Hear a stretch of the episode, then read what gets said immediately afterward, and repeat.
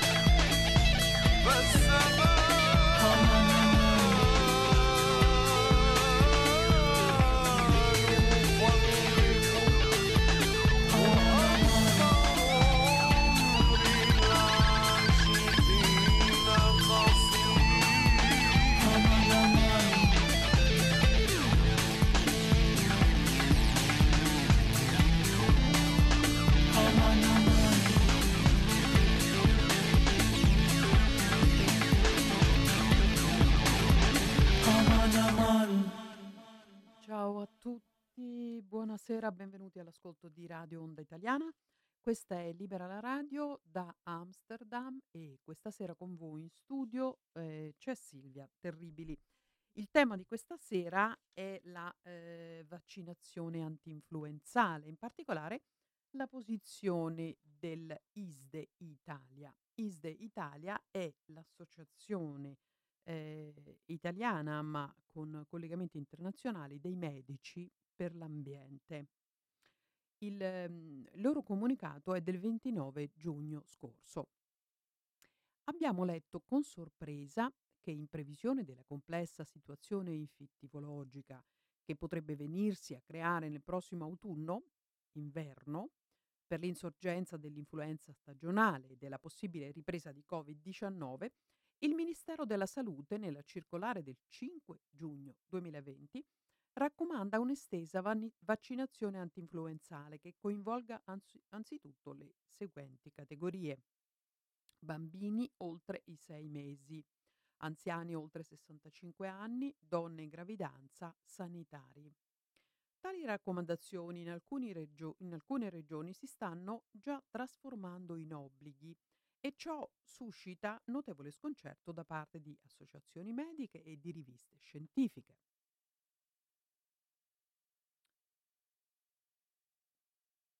La principale motivazione per l'estensione eh, avanzata per l'estensione della vaccinazione è l'ipotesi che la maggior copertura vaccinale contro l'influenza sarebbe vantaggiosa nel semplificare la diagnosi e la gestione dei casi sospetti dati sintomi simili tra Covid-19 e influenza. ISDE Italia ritiene che la motivazione addotta sia debole e basata su ipotesi non validate in modo adeguato. L'efficacia della vaccinazione si aggira tra il 30 e il 40%. Inserire una variabile quale l'incremento della vaccinazione anti-influenzale potrebbe viceversa aumentare anziché diminuire il rumore di fondo, con il rischio che i vaccinati pensino, al sorgere di un po' di febbre o al primo starnuto, di essere effetti da Covid-19.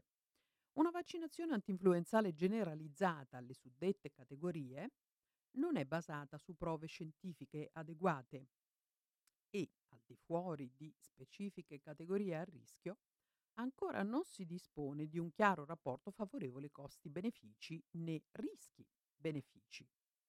L'obbligo, già anticipato in alcune regioni, appare improprio dal punto di vista scientifico, giuridico ed etico e probabile causa di logoranti contenziosi.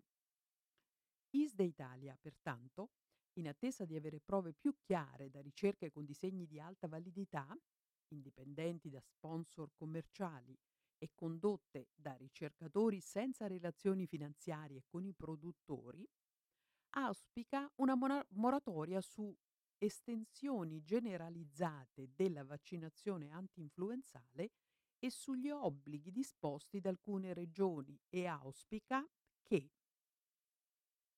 la politica si impegna ad assicurare un ambiente antidogmatico favorevole a un dibattito scientifico libero, non basato sul principio di autorità, ma sulle migliori prove ad oggi disponibili, trasparente, esente da conflitti di interessi. Si apra un confronto approfondito nelle sedi scientifiche e istituzionali dedicate a livello nazionale e regionale senza chiusure pregiudiziali, se possibile indicendo una conferenza di consenso aperta a un libero confronto di posizioni scientifiche che metta al tavolo tutti i soggetti competenti e portatori di interessi. La vaccinazione antinfluenzale continui a essere offerta in modo gratuito a categorie a rischio e quando liberamente richiesta, purché tutti siano informati in modo completo ed equilibrato delle incertezze scientifiche esistenti, per consentire un vero consenso informato, principio cardine per qualsiasi intervento sanitario.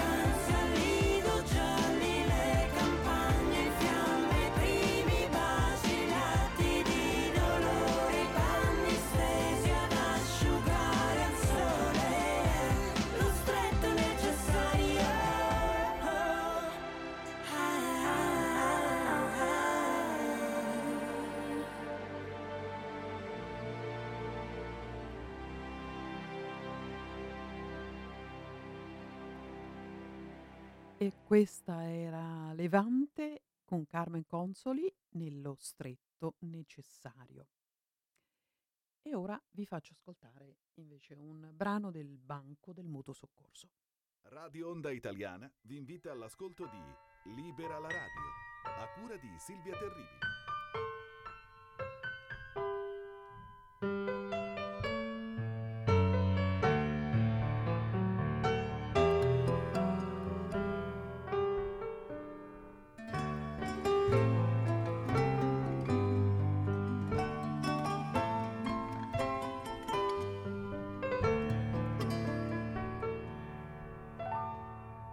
E mi viene da pensare all'entusiasmo cresciuto per strada, quasi un dovere giocarsi tutto in un colpo solo.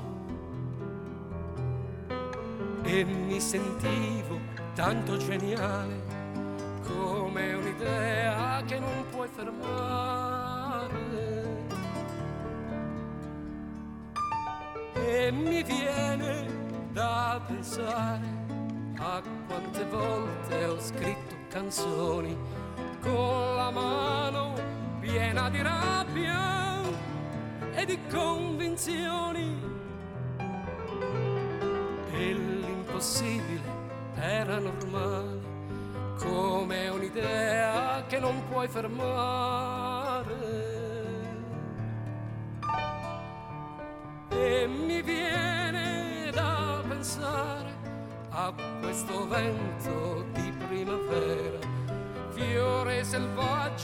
Cresce fra i sassi, è come un'idea che non puoi fermare, che non puoi, non vuoi cambiare. Forse è soltanto un'idea che nasce male, forse è un'idea che cresce male, ma la primavera è inesorabile.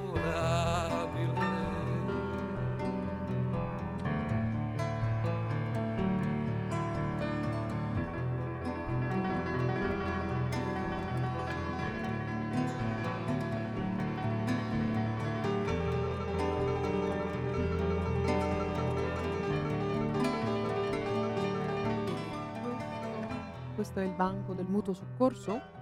E mi viene da pensare. E ora vorrei farvi ascoltare un'intervista con la virologa Maria Rita Gismondo in cui parliamo naturalmente del eh, famoso, famigerato eh, coronavirus.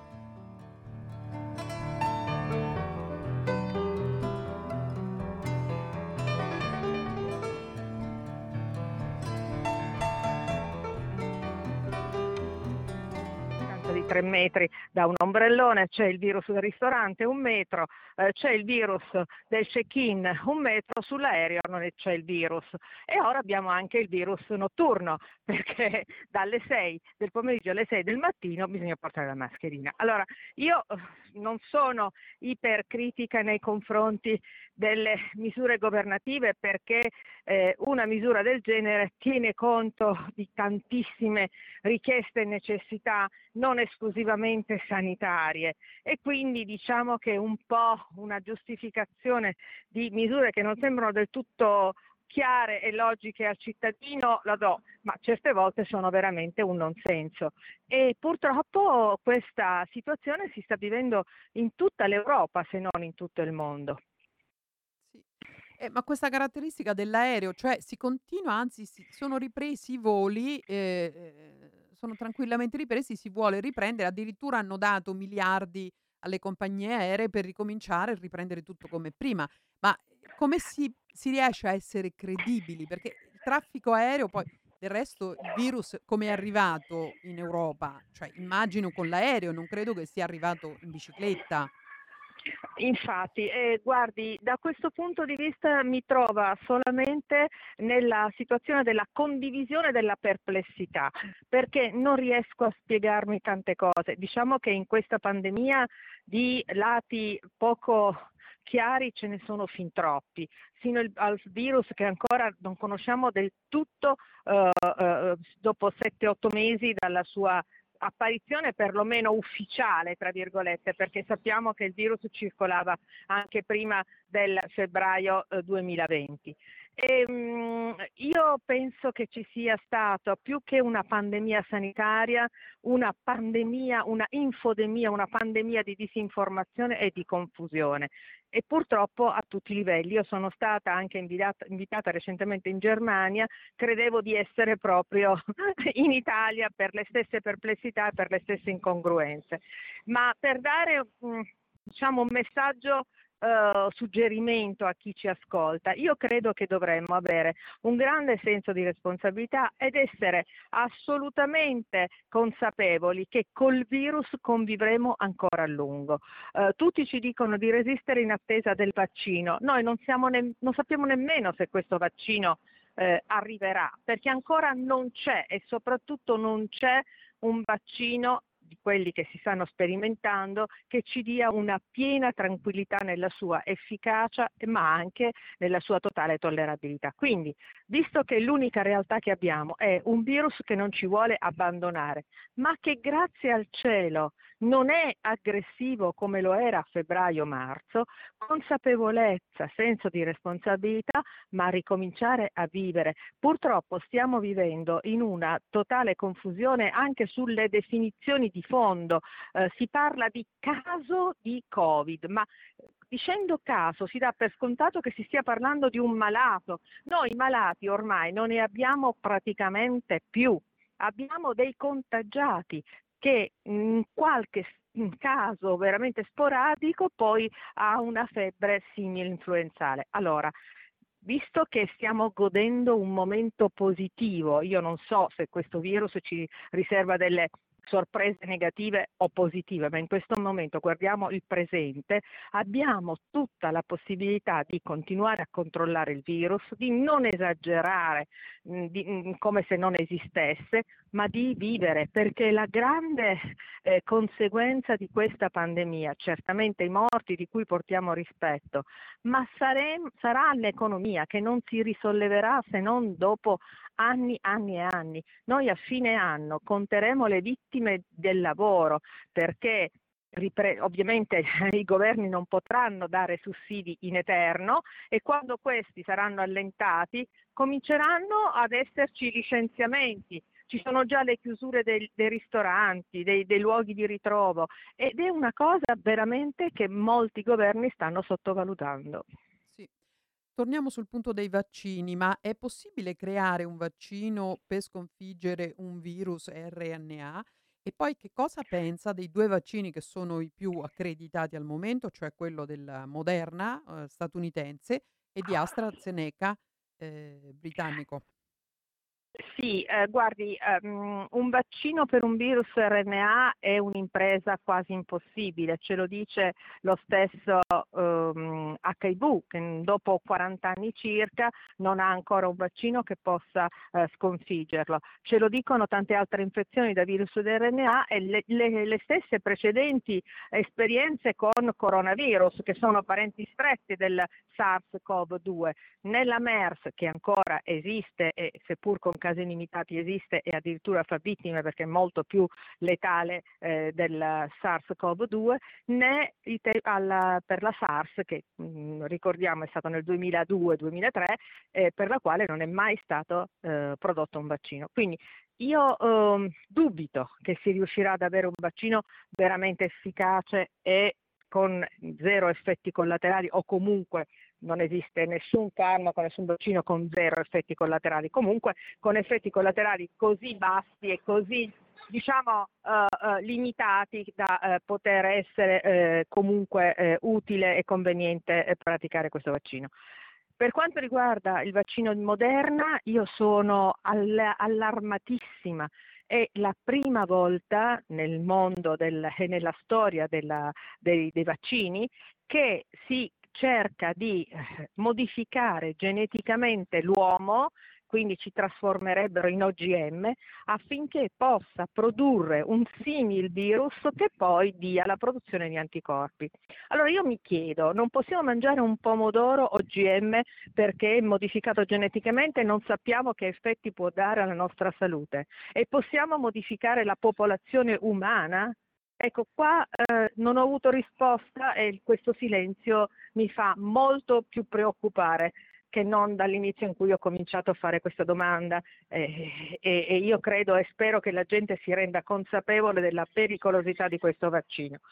L'altro dell'AstraZeneca è un vaccino che eh, se non vado errato, utilizza un vettore che è un virus, eh, eh, un adenovirus della scimmia. Ecco, anche là eh, affrettare le ricerche mi sembra un grande azzardo. Quindi eh, sicuramente perplessità per le due vaccinazioni che si stanno promuovendo alla grande, con la, eh, l'invito all'OMS di non accorciare le fasi di sperimentazione, cosa che ha fatto, ma addirittura di allungarle e farle fare in- appieno, perché eh, penso che e spero che del vaccino non se ne debba aver bisogno se continua così la situazione.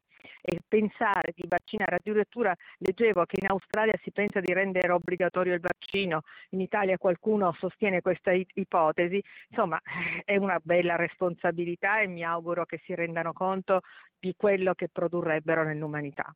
Quindi non, non si potrebbe in Italia, in base alla nostra Costituzione, rendere obbligatorio il vaccino, uno di questi due vaccini comunque sui quali lei ha espresso mm, più che una perplessità, ma diciamo eh, praticamente ha detto che sono di questi due vaccini non si fida.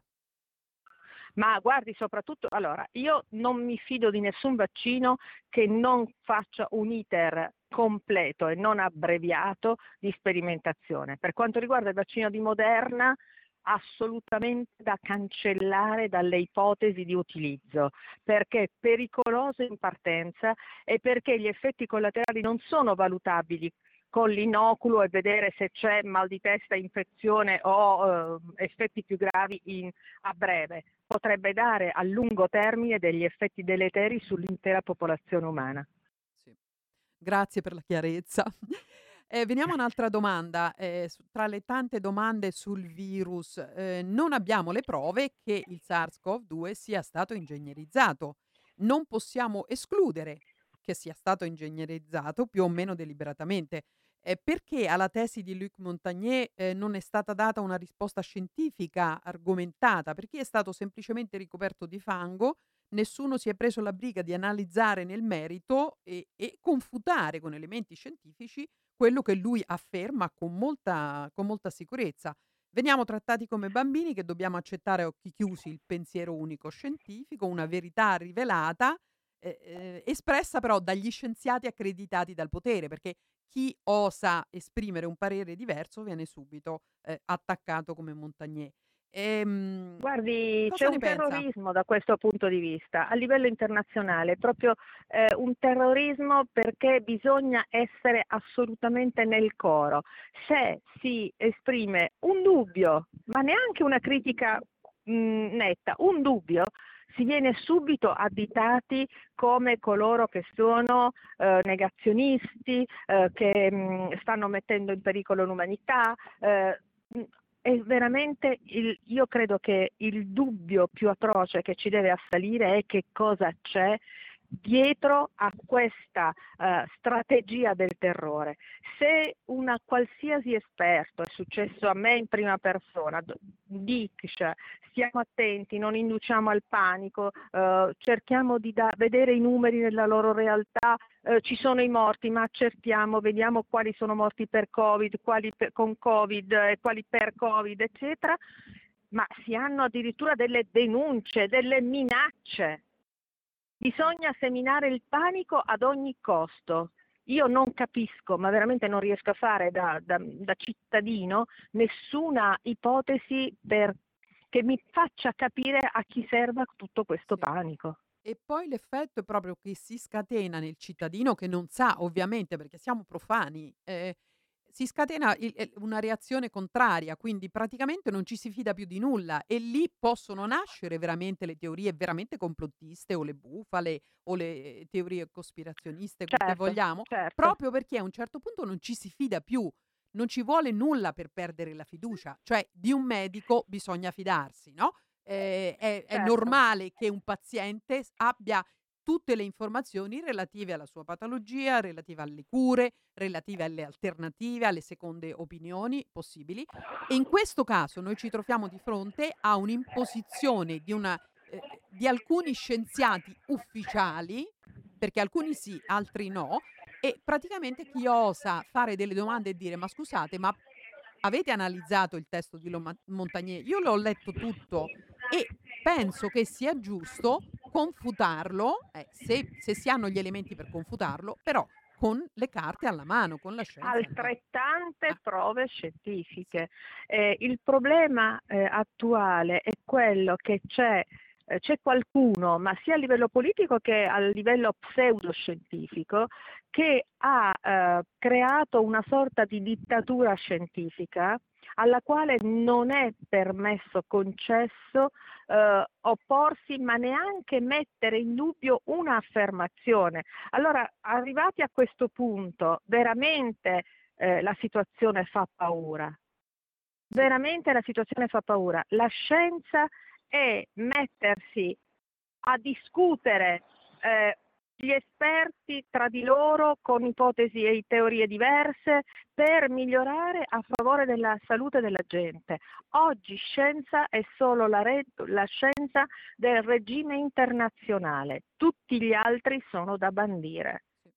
E la stessa cosa sta accadendo anche in altri settori, pensiamo al discorso del clima, sul quale anche lì ci sono delle verità rivelate, ma poi tante cose restano, eh, restano poco chiare, non vengono spiegate.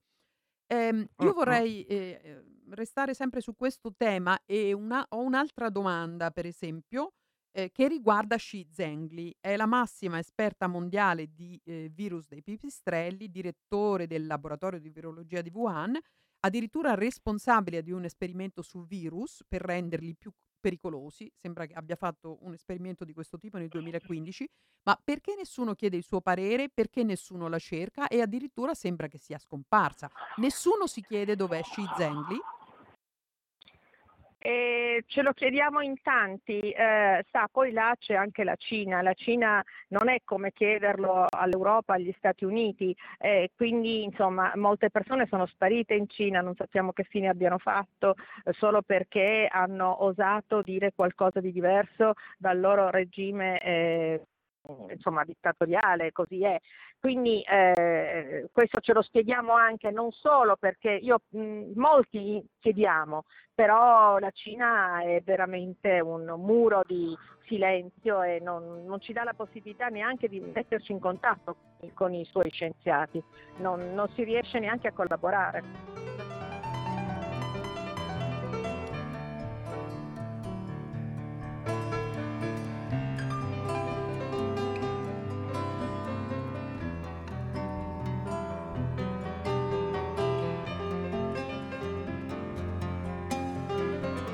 State ascoltando Libera la radio.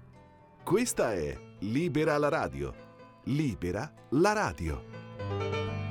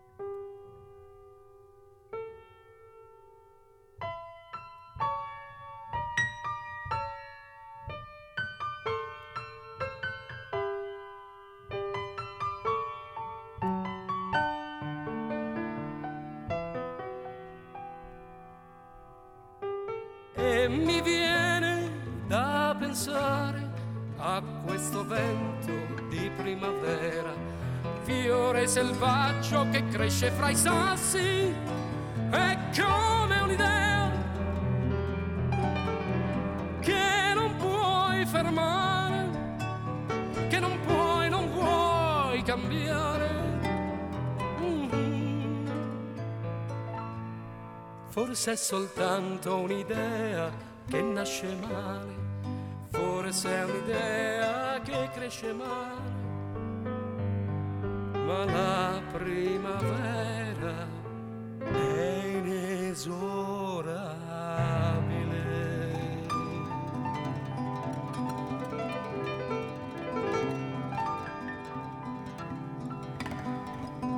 Ha scritto di recente un libro che si intitola Ombre allo specchio e questo Sì. libro sì, parla anche del virus o parla del virus.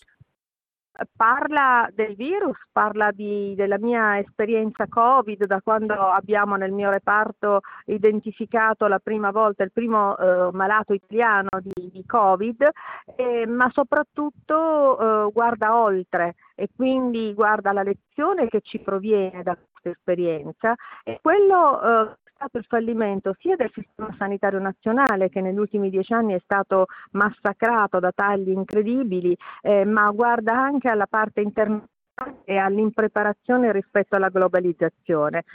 Parla delle istituzioni internazionali in crisi come l'OMS, come l'ONU, come l'UNESCO, ma soprattutto parla dell'OMS che, eh, di cui abbiamo tanto bisogno, ma che non è stato un punto di riferimento così saldo e, e così eh, direi costante eh, eh, nel, nel- nel suo supporto all'umanità, direi.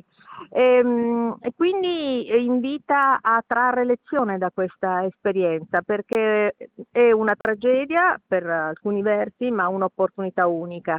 E poi fa una critica a quella che è stata l'infodemia, cioè questa informazione malata eh, della quale siamo stati tutti vittime per un eccessivo panico, per eh, numeri dati senza un fondamento, per comunicazioni errate e ovviamente tutto quello che affermo, eh, visto che io di scienza mi interesso, è tutto eh, diciamo, supportato e citato in documenti che vengono eh, allegati eh, alla fine in un indice del- de- di quanto da me consultato. Che cosa possiamo fare come, come cittadini? Intanto esigere delle risposte. Come, cosa possiamo fare secondo lei? Non dobbiamo eh, rassegnarci ad essere trattati da, mh, da stupidi che devono solamente eh, ubbidire ciecamente. Attenersi a quelle che sono le misure governative è un dovere civico, però nelle dovute sedi dobbiamo farci sentire e soprattutto non dobbiamo farci trascinare, cosa che accade sui social, eh, da questa eh, manipolazione che avviene dalla- da, da certi organi di comunicazione. Veda, ehm, addirittura quando io ho scritto sul mio profilo Facebook personale eh, non andiamoci al panico, guardate che non è all'inizio, avevamo solo due pazienti, quindi insomma in un contesto eh, molto, molto ristretto, eh, abbiamo solo due pazienti, non è una tragedia, niente panico, eh, c'è stata una valanga di eh, post di gente che diceva tu vuoi ammazzare, tu vuoi sottovalutare il tutto, vuoi non far curare la gente, perché c'erano state delle, eh, delle trasmissioni che avevano detto signori la tragedia è arrivata, la gente muore- morirà per le strade come in Cina, eccetera. Quindi la gente deve rendersi conto anche delle proprie piccole azioni e capire se le fa perché trascinata da quest'onda di mala comunicazione o con consapevolezza. Deve agire con consapevolezza, deve informarsi, non possiamo rimanere nell'onda di questo fiume di fango. Sì. E chi volesse informarsi di più, eh, che cosa, che cosa potrebbe consigliare? Naturalmente anche il suo libro, che io spero di leggere. Beh, questo è troppo facile e direi sarei troppo di parte. Se leggono il mio libro mi fa piacere, può essere uno spunto poi per poter andare a consultare organi ufficiali di riferimento.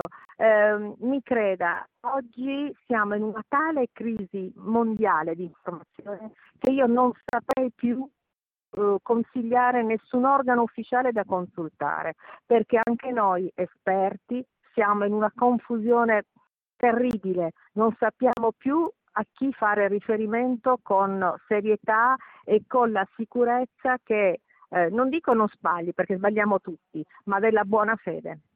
Sì, sì.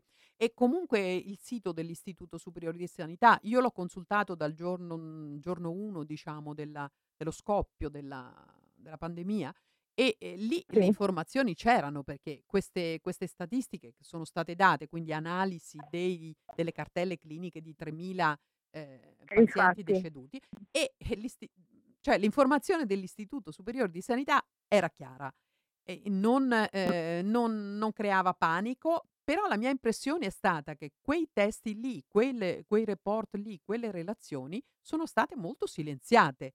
Cioè, No, le nessuno dirò ne di più. parlava. Io l'ho citato in una mia intervista e mi è arrivata una diffida.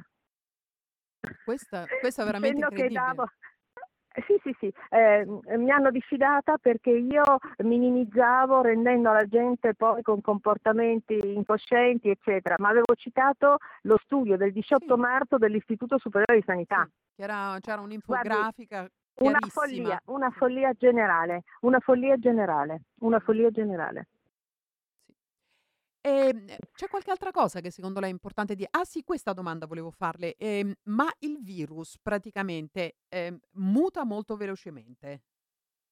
Questo virus... No, il virus stranamente, perché tutti i virus ad RNA eh, sono molto mutevoli, stranamente il virus è mutato pochissimo rispetto al, diciamo, al giorno in cui l'abbiamo conosciuto, perché non sappiamo il giorno in cui è, è comparso. Però da febbraio ad oggi le mutazioni sono state veramente minime, è un virus molto costante e anche questa è una stranezza da dover approfondire.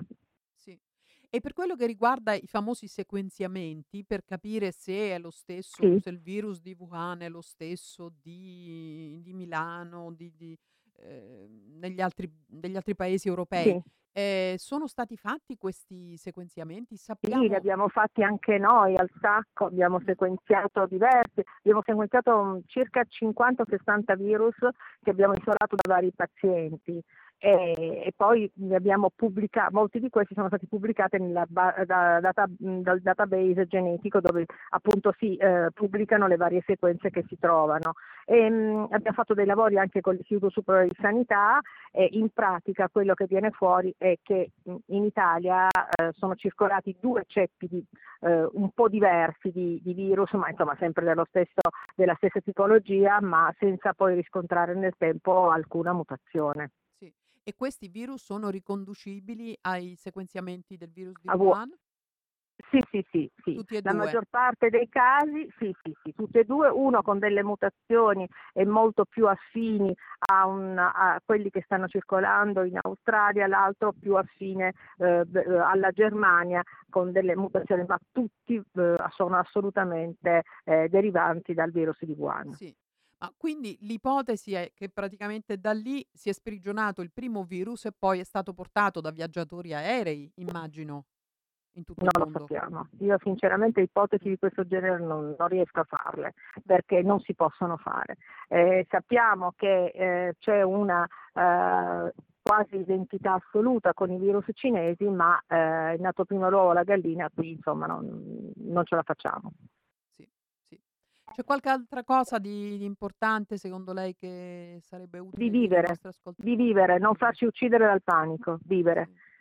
Mm, assolutamente vivere con consapevolezza, mantenendo certo ancora delle misure importanti, non un certo distanziamento ove possibile, eh, la mascherina nei luoghi affollati, lavarsi molto bene le mani, eh, sono tutte misure che possono certamente evitare il contagio. Ma innanzitutto non scambiare i numeri dei positivi per casi di malati perché non sono così, e, e vivere, vivere in modo che anche gli altri vivano e attivare l'economia perché è la cosa che mi spaventa di più. Va bene, io la ringrazio tantissimo per il tempo che ci ha dedicato questa sera grazie. e le auguro buon lavoro e mm, speriamo bene, ce la faremo. Grazie, grazie mille, buona serata a tutti, Grazie grazie di avermi ascoltata, buonasera.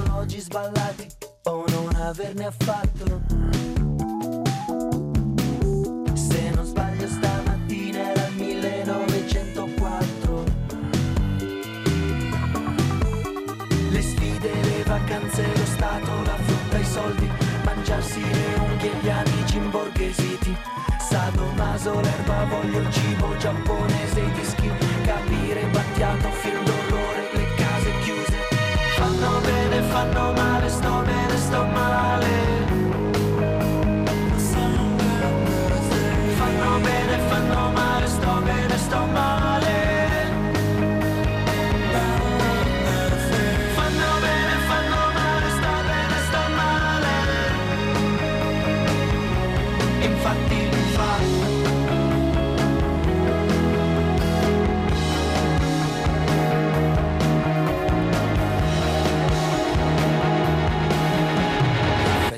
speciali, La polizia, travestirsi, la censura, l'oppio, la religione, il lego, l'assenzio.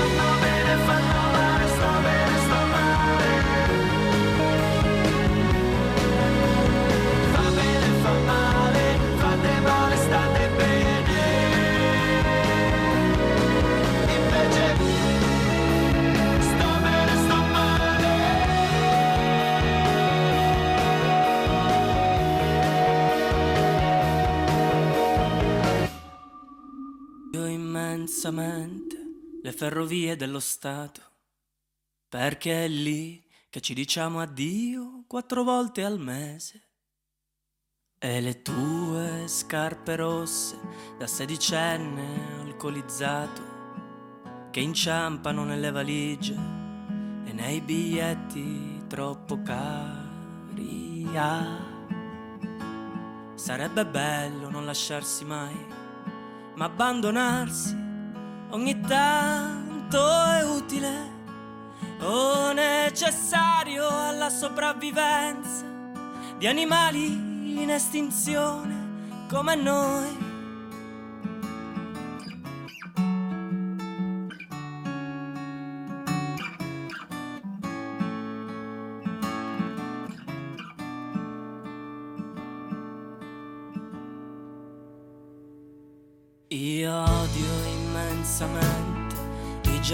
Comunali, perché è lì che t'ho visto scegliere per la prima volta. Tra le statue e le panchine di un inverno educato, c'era solo una ragazza con la giacca di sua madre.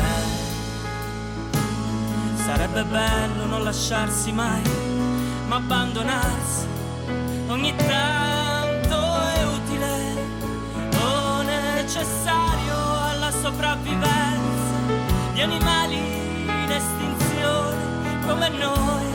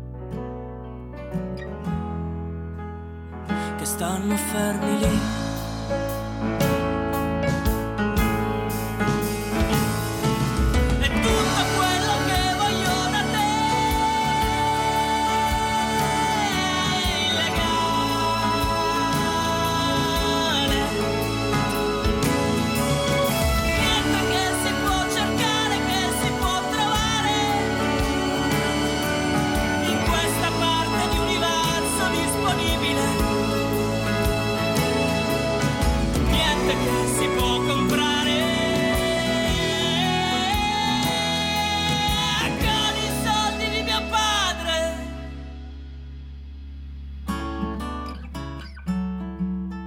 Questo era Di Martino in Non siamo gli alberi. E abbiamo ascoltato un'intervista, eh, abbiamo parlato del virus, eh, del coronavirus e abbiamo parlato, ne abbiamo parlato con un esperto di fama internazionale, Maria Rita Gismondo, direttore responsabile del laboratorio di, micro, di macro scusate, eh, di eh, microbiologia clinica, eh, di virologia e diagnostica e bioemergenze dell'ospedale Sacco di Milano. E passiamo ad ascoltare l'ultimo brano in programma per questa sera che è Tiro Mancino in Due Destini.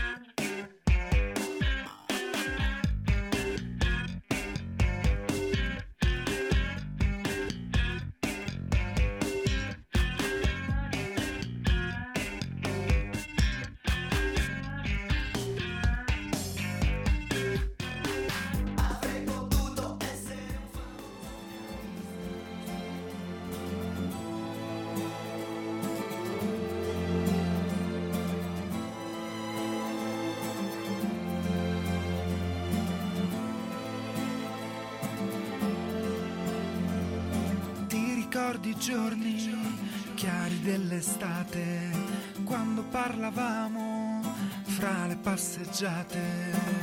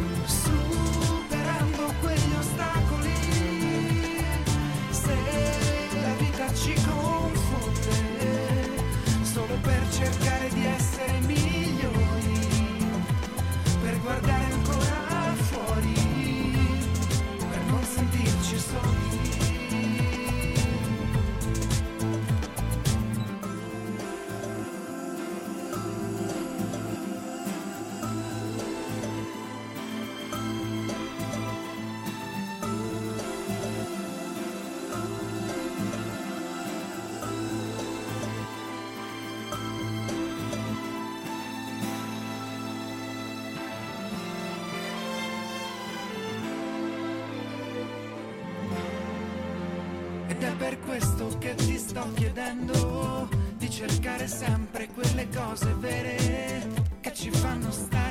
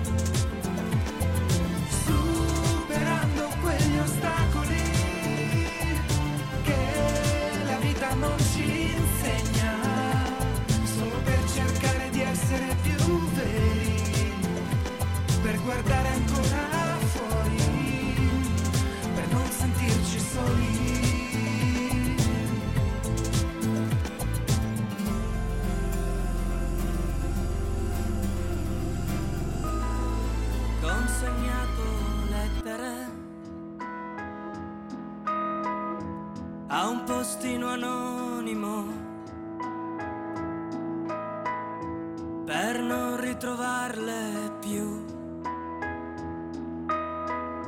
Perché dentro ci sei tu. Tu e la tua democrazia che è diversa da Avete ascoltato Libera la radio, a cura di Silvia Terribili. Informazione, musica e cultura italiana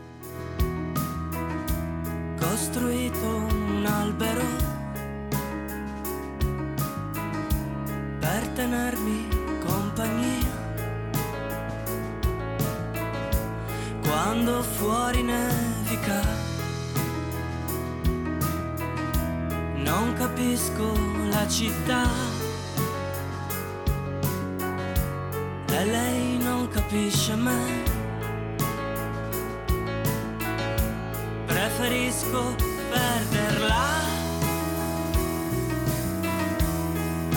perderla come perdere